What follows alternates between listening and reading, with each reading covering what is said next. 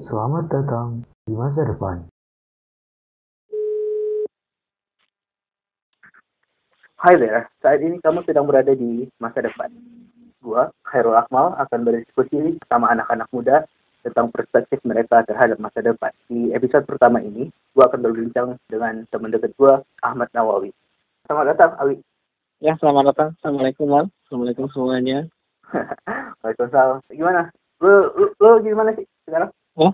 Lagi di mana? Ah, aku aku di kamar aja lah biasa. Posisinya di Medan. Medan. Oke, oke, oke. Lu apa kabar, Mal? Ya, baik lah. Eh, tapi ini, apa sih? Ya, silahkan perkenalkan diri lah. Lu dari mana atau terus ya lu sedang Oh, bekerja sebagai apa gitu. Saya kira semua orang udah tahu lah aku ya orang biasa aja. Oke, jadi gini, kita ketemu di SMA ya? Iya, kita ah iya ya kita Iya. ketemu deh ah, dulu kan udah lama. Udah lama nggak jumpa kita ya. Yoi. Ya, di di Insan Jenekia Serpong, terus lu kuliah di mana sih? Hah? Kuliah di mana? kuliah gua pengangguran. Apaan? Apaan? kuliah eh, di ITB bukan sih? Iya, iya. Oh, Pernah di sana berapa tahun dulu. oke. Jurusannya? Jurusannya mesin, kuliahnya juga telat dulu berapa tahun aku baru lulus malah. Oh, teknik mesin. Dan sekarang lu Mm-mm. kerja di bidang apa sih? Di di mana? Di, Di di Medan. Di, di di bidang apa? engineering swasta, Oke. di perusahaan swasta engineering. Perusahaan swasta bidang. Jadi kayak desain ah, segala Ah. macam tentang pembangkit listrik gitulah. Oke, so bidang energi lah ya. Iya, ngerti. Oke oke oke. Jadi gini, um, ide program ini sebenarnya simpel banget sih. Kayak gue bakal nanya lu tentang apa perspektif lu tentang masa depan, kayak yang gue Mhm. sebutkan di awal tadi. Uh, pertanyaan pertama yang uh, akan gue tanyain ke kayak apa uh, teman-teman diskusi di sini adalah apa harapan lu untuk dekade 2020-an, uh, terutama uh, terutama mengenai industri lo sendiri. Oh, industri yang selama ini digeluti gitu ya maksudnya. Ya ya ya. Kalau menurut gue sih sebenarnya menarik banget ini ya pembicaraannya itu berat nih. Ya masalah apa ya energi ini ya? Iya ya. Energi ini kan sebenarnya apa ya? Sumbernya itu banyak banget kalau menurut gue sih. Jadi apa ya? Energi itu ya menurut dulu dari dulu kita kan udah tahu ya energi itu nggak bakal pernah bukan kawan kali sih nggak akan pernah musnah gitu. Dia tuh cuma ditransfer dari satu energi ke energi lain. Hmm. Jadi kita sebagai manusia tuh nggak akan pernah kekurangan gitu. Kita tuh cuma susah untuk mengubah satu energi ke energi lain itu yang eh, sekarang kita salah kita tuh hanya kesusahan untuk mengubah energi yang banyak ini menjadi energi yang bisa kita manfaatkan. Oke oke. So Jadi kalau masalah energi ini aku yakin kita masa depan sampai kapan pun tuh kita nggak nggak akan pernah kehabisan energi. Selama matahari itu masih menyinari dunia.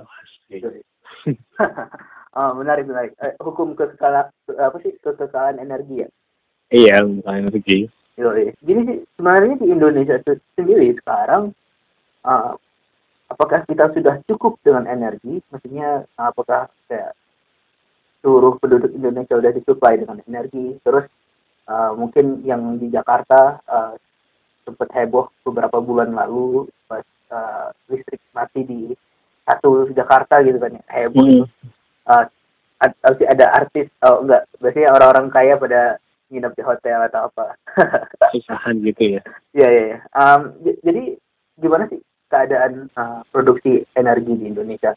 kalau adanya sekarang ya kita terlalu bergantung sih dari energi apa energi fuel oil energi fuel lah intinya energi apa ya Fosil ya? energi yang iya fosil gitu minyak batu bara atau energi baru. kita masih sangat tergantung oleh energi itu kondisinya sih kalau menurut gua jadi kayak apa ya kita tuh masih terpaku energi apa sumber energi yang lama yang klasik banget yang dari tahun berapa itu udah dimanfaatkan Hmm. ya memang sih eh, apa ilmu untuk membuat itu untuk membuat apa mungkin untuk mentransfer energinya itu gitu dari eh, energi fosil ke energi yang bisa kita manfaatkan itu ilmunya udah sangat paten jadi apa ya emang sudah susah dikembang bukan susah ya udah nggak bisa dikembangkan lagi lah Hmm. jadi energi dari dulu sampai sekarang udah beberapa tahun ini ya gitu-gitu aja itu yang membuat kita eh, berada di zona nyaman sih kalau menurut gue. jadi susah banget bergerak gitu dari energi fosil jadinya ya efeknya ya jadi kayak kita seolah-olah kekurangan energi gitu Ya, ya. Maksudnya masih produk-produk ekstraktif gitu kan? Kayak uh, minyak atau batu bara. Iya. Hmm. Jangan sekarang kan masih banyak plan-plan dari eh, perusahaan terbesar di negara ini ya pembangkit listrik itu masih ber apa namanya berenergi di situ gitu belum belum ada tanda-tanda kita untuk berubah ke energi yang mungkin bisa dimanfaatkan ke yang lain gitu Hmm, oke oke oke. Em, apa sih? Karena kita bergantung nih ceritanya dengan minyak, Hmm. batu bara, bla bla bla. Apakah itu bisa apa sih? Gua, gua kan datang dari dari bidang lingkungan kayaknya. Dan gua gua melihat bahwa ketergantungan ini selain memang mahal bagi pemerintah, eh, pemerintah banyak mengeluarkan subsidi di saat yang sama lingkungan secara lingkungan nggak sustainable nggak bisa bertahan lama di saat yang sama ini juga kayak bikin ketergantungan gitu nggak sih? Kayak kalau kita bahkan terus katakanlah bangun pembangkit listrik apa eh, untuk batu bara uap ya iya namanya di sini PL lembaga tenaga uang untuk bahan bakar batu bara. Oke eh, ya PLTU batu bara gitu kan ya. Kalau kita bangun sekarang itu kan pasti ah, bakalan dipakai untuk beberapa tahun beberapa puluh tahun Iya. lagi kan? Iya benar 30 tahunan mungkin. Oke oke. Um, dan dan karena karena sifat itu berarti pemerintah sendiri yang katanya mau bikin apa program energi berkelanjutan berarti nggak apa ya nggak ini dong nggak sesuai dengan dengan kenyataan di, di lapangan berarti. sebenarnya apa ya itu untuk yang energi yang itu kenyataannya yang gue lihat sih masih benar-benar tahap awal gitu belum belum sampai ke apa namanya ke bangun pembangkitnya atau ke bangun ininya tapi masih masih lebih ke yang awal banget lah masih lebih ke apa training training training training mungkin untuk benar-benar masih awal lah intinya masih baru pengenalan masih baru apa pengenalan masih pembelajaran gitu intinya belum belum belum sampai ke tahap-tahap yang perencanaan pembuatan dan eksekusi itu masih sangat jauh sih kalau menurut saya. Oke oke berarti apa sih uh, mungkin kalau kita bicara energi baru terbarukan uh, renewable itu ada di Indonesia yang terkenal mungkin uh, PLTA ya uh, Iya. tenaga air Sa- sama uh, kita tenaga surya banyak banyak digunakan nggak sih di Indonesia? Sebenarnya untuk sekarang kalau dilihat dari dayanya ya, daya yang dipakai sih sangat kecil banget, jauh lah, jauh daripada energi-energi fosil. Tapi kalau dilihat dari jumlahnya itu udah cukup banyak sih di pulau-pulau terpencil, pulau-pulau yang itu udah cukup banyak. Dan itu juga mereka pribadi sih masalahnya. Oh jadi, jadi kayak uh, private gitu bukan bukan dari pemerintah gitu ya? Dari pemerintah juga ada sih Hmm. pulau-pulau terpencil. Cuma kan itu nggak ter, menurutku sih nggak terkontrol dia nggak nggak yang kita nggak narik biaya lagi dari situ itu kayak lebih ke apa sosial sih. Off grid ya istilahnya. Mhm. Hmm, jadi kan kalau misalkan on grid tuh mungkin kalau di Indonesia lewat PLN, off grid jadi di luar PLN itu kan maksudnya sistem uh, jaringan sendiri, jaringan listrik sendiri. Iya. Oke oke oke. Oh, Kalau harapannya sih aku sebenarnya apa ya? eh kita ini nggak usah tergantung lagi sama yang namanya pemerintah gitu. Kita untuk masalah energi ini ininya ya kita setiap rumah tuh punya pembangkit kita masing-masing sendiri-sendiri. Nah, itu apa gitu. Jadi kita nggak tergantung. Mungkin pemerintah ngurusin hal-hal yang besar aja lah. Kayak misalnya untuk industri yang memang kebutuhan daya sangat besar baru mereka bisa ngurus. Tapi untuk urusan rumah tangga, aku pikir sih memang apa ya? Sudah Kita saatnya bisa lah mandiri gitu. Hmm, sudah saatnya nggak tergantung lagi sama bikin, mereka. bikin yang kecil-kecil di tiap kampung gitu kayak. Mm-mm. Oke. Um, menarik menarik. So- Soalnya kan ada ada ide tentang apa sih distributed system. Uh, apa uh, listrik yang terdistribusi. Jadi pembangkitnya nggak nggak cuma satu yang besar gitu, tapi pembangkitnya kecil-kecil dan saling berhubungan gitu kan. Ya itu juga lebih bagus lagi sih kalau yang berhubungannya. Jadi bisa Jadi ada ada saling ada membantu. ya ada saling membantu dan ada network redundancy kan. Nah, jadi jaringannya itu bakal susah dalam dalam artian bakal susah mati uh, kalaupun katakanlah beberapa- lebih. Lebih re- reliable lah intinya. Oh, ya. Jadi iya. lebih nggak bisa mati. ya walaupun beberapa pembangkit listrik kecil-kecil itu bisa jadi down tapi karena ada yang cover teman-temannya yang lain jadi pasti setiap rumah uh, bakal menikmati listrik untuk untuk waktu yang yang lama gitu kan. Hmm, ya, ya. Menarik juga itu bagus. Hmm. Da- da- lo sendiri sama sama kayak yang lo tadi bilang uh, mungkin kita nggak apa sih jangan lagi bergantung atau atau berharap pada pemerintah lagi untuk hal-hal kecil untuk pembangkit tenaga kecil. Uh, tapi kita harus bisa mulai sendiri. Sebenarnya lu udah melihat sistem-sistem yang yang kita bicarain barusan itu udah diimplementasikan belum di walaupun di tahap-tahap kecil itu katakanlah apa sih uh, kayak sebuah uh, kota atau atau desa yang sudah menerapkan kayak, tadi ide-ide pembangkit listrik kecil yang sustainable. Hmm. Kalau kuliah sih belum sih. Kenapa? Karena uh, kita kan semuanya kan lihat ke money oret ke uang ya, maksudnya ke money oret mana sih mana mana ada sih orang yang mau mengeluarkan uh, dana lebih besar gitu daripada apa yang dia dapatkan gampang, lebih reliable, terus juga lebih besar dayanya gitu. Maksudnya uh, kita ketika bangun sendiri tuh bakal jauh lebih mahal sih emang daripada kita uh, pasang langsung dari uh, pemerintah udah dapat apa tingkat reliable yang sangat tinggi kayak sekarang ini kan mati listrik jarang. Mm-hmm. di situ sih jadi untuk jalannya masih susah. Tapi uh, apa namanya harapannya sih uh, ya pembangkit-pembangkit yang baru itu yang uh, apa namanya terbarukan gitulah okay. kalau untuk yang sendiri masih masih sangat jauh lagi malah lebih jauh lagi itu hmm. Ini menarik gue kayak apa ya ya sebagai sebagai ya citizen sebagai warga negara gitu kan ya selalu berharap bahwa bahwa apa Indonesia bisa bisa memanfaatkan apa yang kita punya gitu dan dan ketika mm -hmm.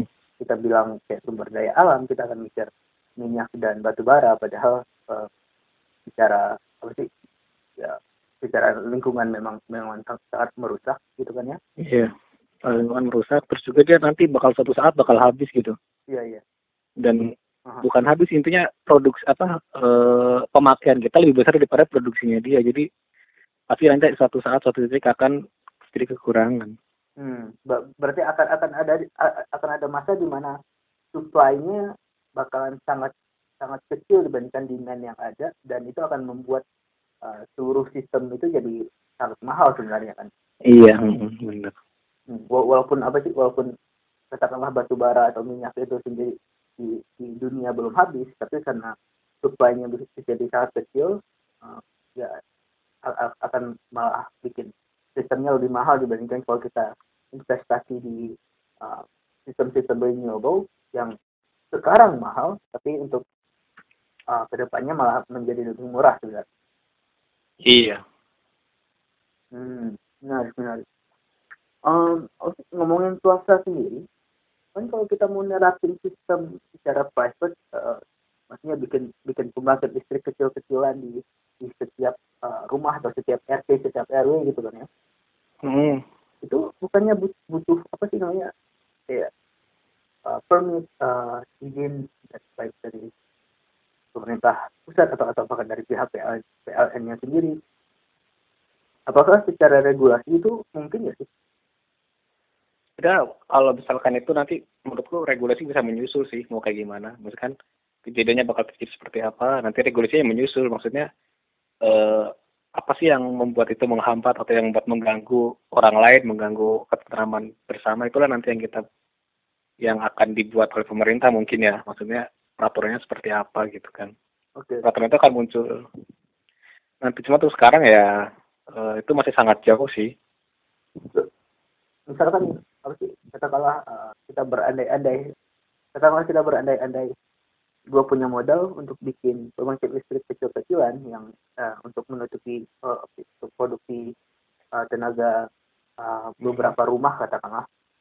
Um, itu gue udah bisa bangun sebenarnya.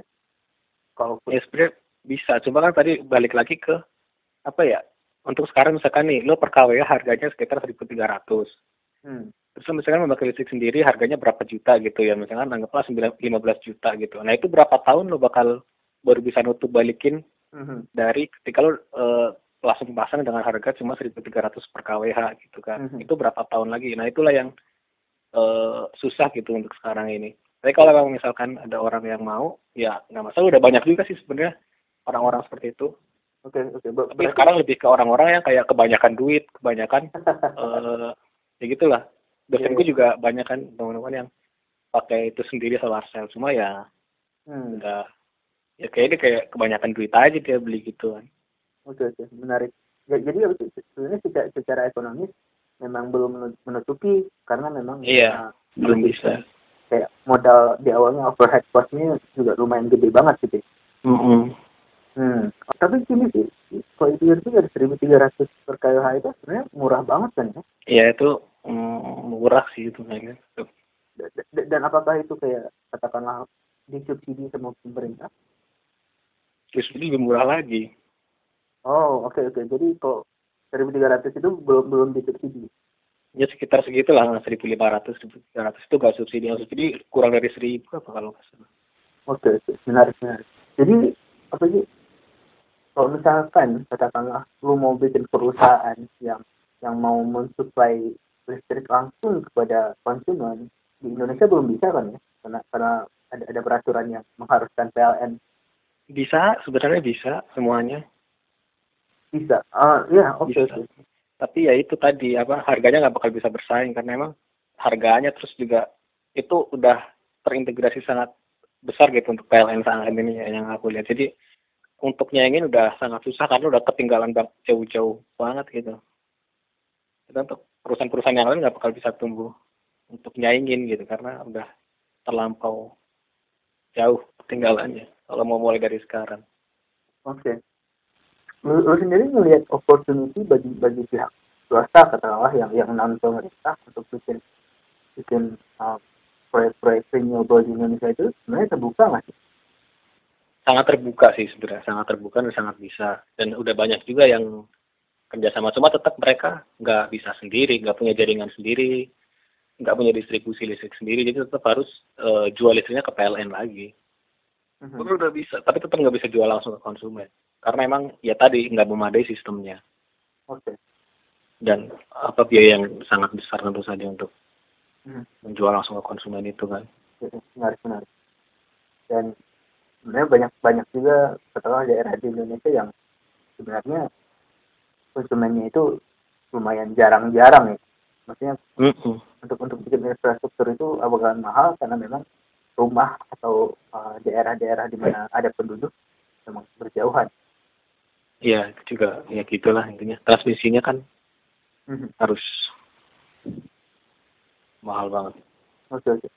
Um, lu lu sendiri melihat katakanlah apa sih Indonesia sekarang uh, kayaknya belum belum 100% penduduknya itu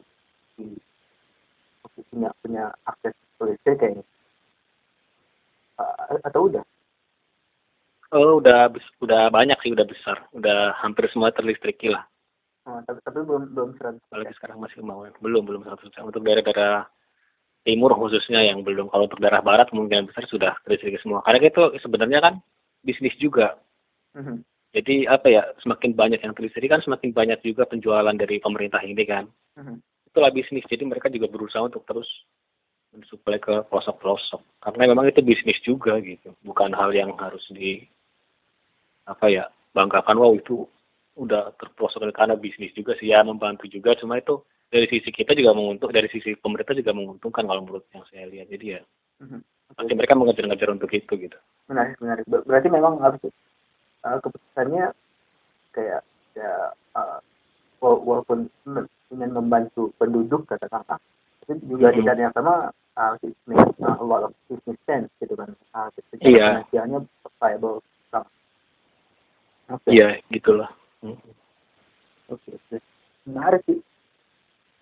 Oh. lu, lu, lu, sih, lu sendiri secara pribadi sekarang kan lagi lagi kerja di, di perusahaan gitu kan jadi karyawan um, apakah lu melihat bahwa uh, lu bisa apakah lu melihat diri lu sendiri bahkan terus berada di perusahaan itu untuk berkontribusi atau atau bahkan bikin perusahaan sendiri gitu yang yang bergerak di bidang-bidang energi yang kita bahas tadi. Oh, kalau aku sih ya namanya di personal ya. Ya. Gue nggak nggak nggak pingin apa ya. Gue pingin jadi petani malah. Oke oke. Kayak masih simple life di, hidup pelosok gitu. Iya hidup santai gitu. Kayak Sound the Ship lah yang di film The Sound the Ship itu. Nanti dia selalu ngomong Sound the Ship terus ya. Menarik. Eh benar benar lu, lu sendiri oke. Ah, asalnya kan dari dari Pulau Jawa kan? Iya. Dan apa sih apakah kayak hidup lu hidup lu di masa kecil ya kayak gitu keluarga petani atau atau gimana sih? Ya bener sih menurut gue juga kayak gitu sama. Oke jadi jadi jadi eh, di rumah terus full 24 jam sama anak-anak punya Oke. peliharaan punya apa peternakan peternakan itu kayak hidupnya ya ya tetap aja sih lihat-lihatan gitu juga. Cuma maksudnya eh, orang tua juga support gue ke situ sih jadi ya gue dukung aja nanti ke situ.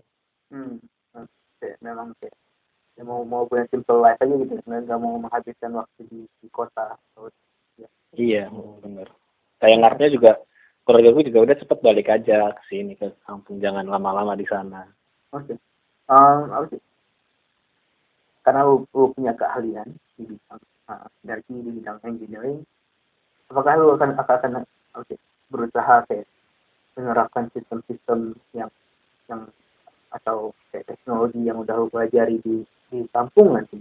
Uh, ya, ya yang kayak kita bahas tadi, yang kecil-kecilan untuk di beberapa rumah gitu.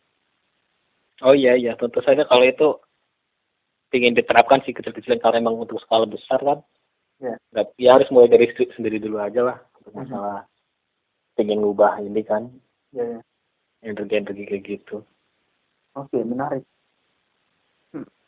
Apa sih? Kayak katakanlah apa sih? Gue boleh memanggil lu anak kampung gitu kan ya? Yang iya yang bisa yang sih kuliah engineering di ITB terus sekarang jadi engineer dan apa sih ingin biasa aja sih ingin ingin kembali lagi ke kampung gitu. iya tapi lebih ya namanya gue Portugis juga sih gimana ya ini diri sendiri penting diri sendiri ya wajar sih. I mean all of us you know are are, are, selfish in, in our own way. Um, kayak, Mhm. ya itu kan nafsi-nafsi hal-hal yang biasa iya iya Mhm. Oke.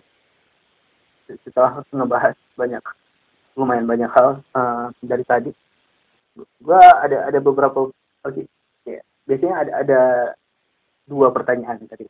Apa harapan lo untuk untuk dekade 20-an ini? Dan satu lagi itu gimana lo melihat Indonesia di tahun 2045 saat Mhm. uh, katakanlah nah, ulang tahun kemerdekaan yang ke-100 gimana lu melihat Indonesia nanti A- akan lebih menarik kalau lu bisa ngasih kayak pandangan lu terhadap industri lu sendiri di tahun 2045 ya menurut gua udah eh, ya ini harapan juga terus kayak ya kenyataannya juga ya tahun itu ya Indonesia mungkin udah lebih maju dari sekarang sih udah lebih jauh lah walaupun apa ya ya pastinya eh, nggak sebagus negara-negara yang sekarang mungkin karena apa ya gue bayanginnya sih kayak Ma- mungkin maksudnya tahun negara, negara maju gitu Iya, cuma nggak nggak semaju negara yang sekarang belum bisa. Maksudnya kayak gimana ya? Belanda aja gitu yang eh, tahun 1600 itu udah bisa ke Indonesia jalan-jalan naik kapal uap gitu. Mhm. Itu di tahun segitu dia udah bisa bikin eh, kapal uap sampai ke Indonesia tahun Bentar, 1600. Belanda Maksudnya? tahun 1600 ab- abad 17 sudah udah pakai kapal uap ke Indonesia Iya. wow nggak sih? Iya kan ya? Ah, Mereka ah, pakai apa sih ini? I'm not sure. I mean, um, ya, ya mesin uap sendiri memang udah lama sih dari Udah lama. Heeh. 1300-an udah ketemu kayaknya mesin uap. Hmm, apa sih memang dan asalnya kan dari Eropa dari Inggris. Tapi Iya. tapi oke per- perlu dicek lagi. Oke men- menarik. Oke guys, uh, Belanda. Jadi kayak Belanda, Eropa itu kayak tahun segitu tuh udah bisa bikin kapal uap ke sini. Indonesia tahun itu mau masih bisa apa gitu kan? Maksudnya kayak butuh beratus-ratus tahun bahkan untuk membuat menjadi sebuah negara kayak Jepang yang kayak sekarang, Belanda yang kayak sekarang gitu. Jadi kayak ya kita masih harus terus lihat dan berkembang lagi gitu. Dan untuk 100 tahun mereka Indonesia tuh menurut saya masih negara yang sangat mungil kecil sih, masih terus bisa berkembang dan jauh masih jauh dari negara-negara maju yang kayak sekarang gitulah maksudnya.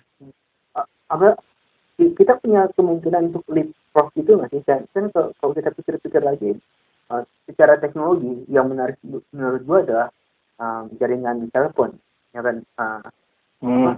di di di luar sana pertama di Amerika di US jaringan telepon udah ada sejak lama dari dari apa sih dari perang dunia kedua terus uh, berkembang berkembang terus uh, sa- sampai kemudian katakanlah tahun uh, 90-an atau bahkan tahun 2000-an ketika ya HP Nokia udah di mana-mana uh, Hmm. apa namanya um, smartphone juga udah udah muncul kan uh, Steve Jobs sama iPhone-nya tapi di Indonesia malah malah kebalik kebalikannya uh, da- dalam artian uh, apa pemerintah sama sekali nggak membangun jaringan telepon di, di, di banyak tempat di Indonesia. Paling hanya kota-kota besar. Tapi uh, tapi penduduknya uh, kita semua langsung langsung bisa punya HP gitu. Ya kan? Jadi, jadi kayak Ya. Indonesia skip bagian jaringan telepon kita langsung punya uh, handphone. Uh, mobile. Apakah lu melihat kayak kesempatan leapfrog gini yang yang yang ada di mungkin bidang energi atau atau bidang teknologi Hmm. katakanlah kayak kayak mesin buat berarti teknologi transportasi apakah ada kesempatan itu Untuk sekarang sih menurut gue gimana ya? Gue belum bisa mengatakan gue optimis banget bisa bakal berkembang. Kenapa? Karena eh, termasuk juga con- contohnya tadi yang telepon itu ya. Di saat negara lain udah bisa membuat telepon mereka sendiri, HP mereka sendiri, terus bisa membuat jaringan komunikasi mereka sendiri, Indonesia baru bisa menjadi konsumen gitu. Kayak sekarang pun untuk semuanya lah, nggak cuma handphone.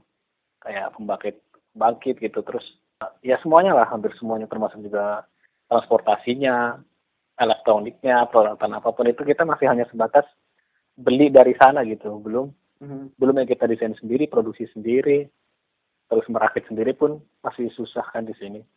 Oke. Jadi kayak ya segitunya kita ketinggalan gitu. menarik menarik ya, ya. Jadi ya itu yang aku lihat sih kayak gitu. Walaupun lu sendiri optimis uh, melihat Indonesia akan akan terus maju tapi ya bisa jadi sebenarnya kita bakal terus tertinggal dibandingkan Iya. negara-negara luar gitu ya negara-negara uh, yang yang maju Eropa atau Yang atau udah maju. ya Amerika Utara gitu Mm-mm. no kira-kira episode pertama ini kita kiri dulu nggak nggak terlalu Iya. lama sih berapa sih paling tiga puluh Setengah jam ini. Iya, ya setengah jam. Biasanya acara-acara lain itu bisa bisa nyampe satu jam dua jam loh. Eh, nggak usah lama-lama nanti ini malah apa viewernya pada males ya. Bener ya. 10 menit aja paling 10 menit 10 menit nanti Oke dipotong. oke oke. Ah, itu bah. Ah, thank you buat ah, obrolannya malam ini. Um, Oke, makasih, makasih. Gue juga sangat terima kasih nih. Oke, sip, sip. sukses sama kerjaan lo. Mudah-mudahan tercapai cita-cita jadi petaninya. ya, pertanyaan peternak ya dan yang lain-lain juga. Yoi. Oke lah. Kapan-kapan ketemu. Yuk, Assalamualaikum. Oke, waalaikumsalam. Terima kasih semua.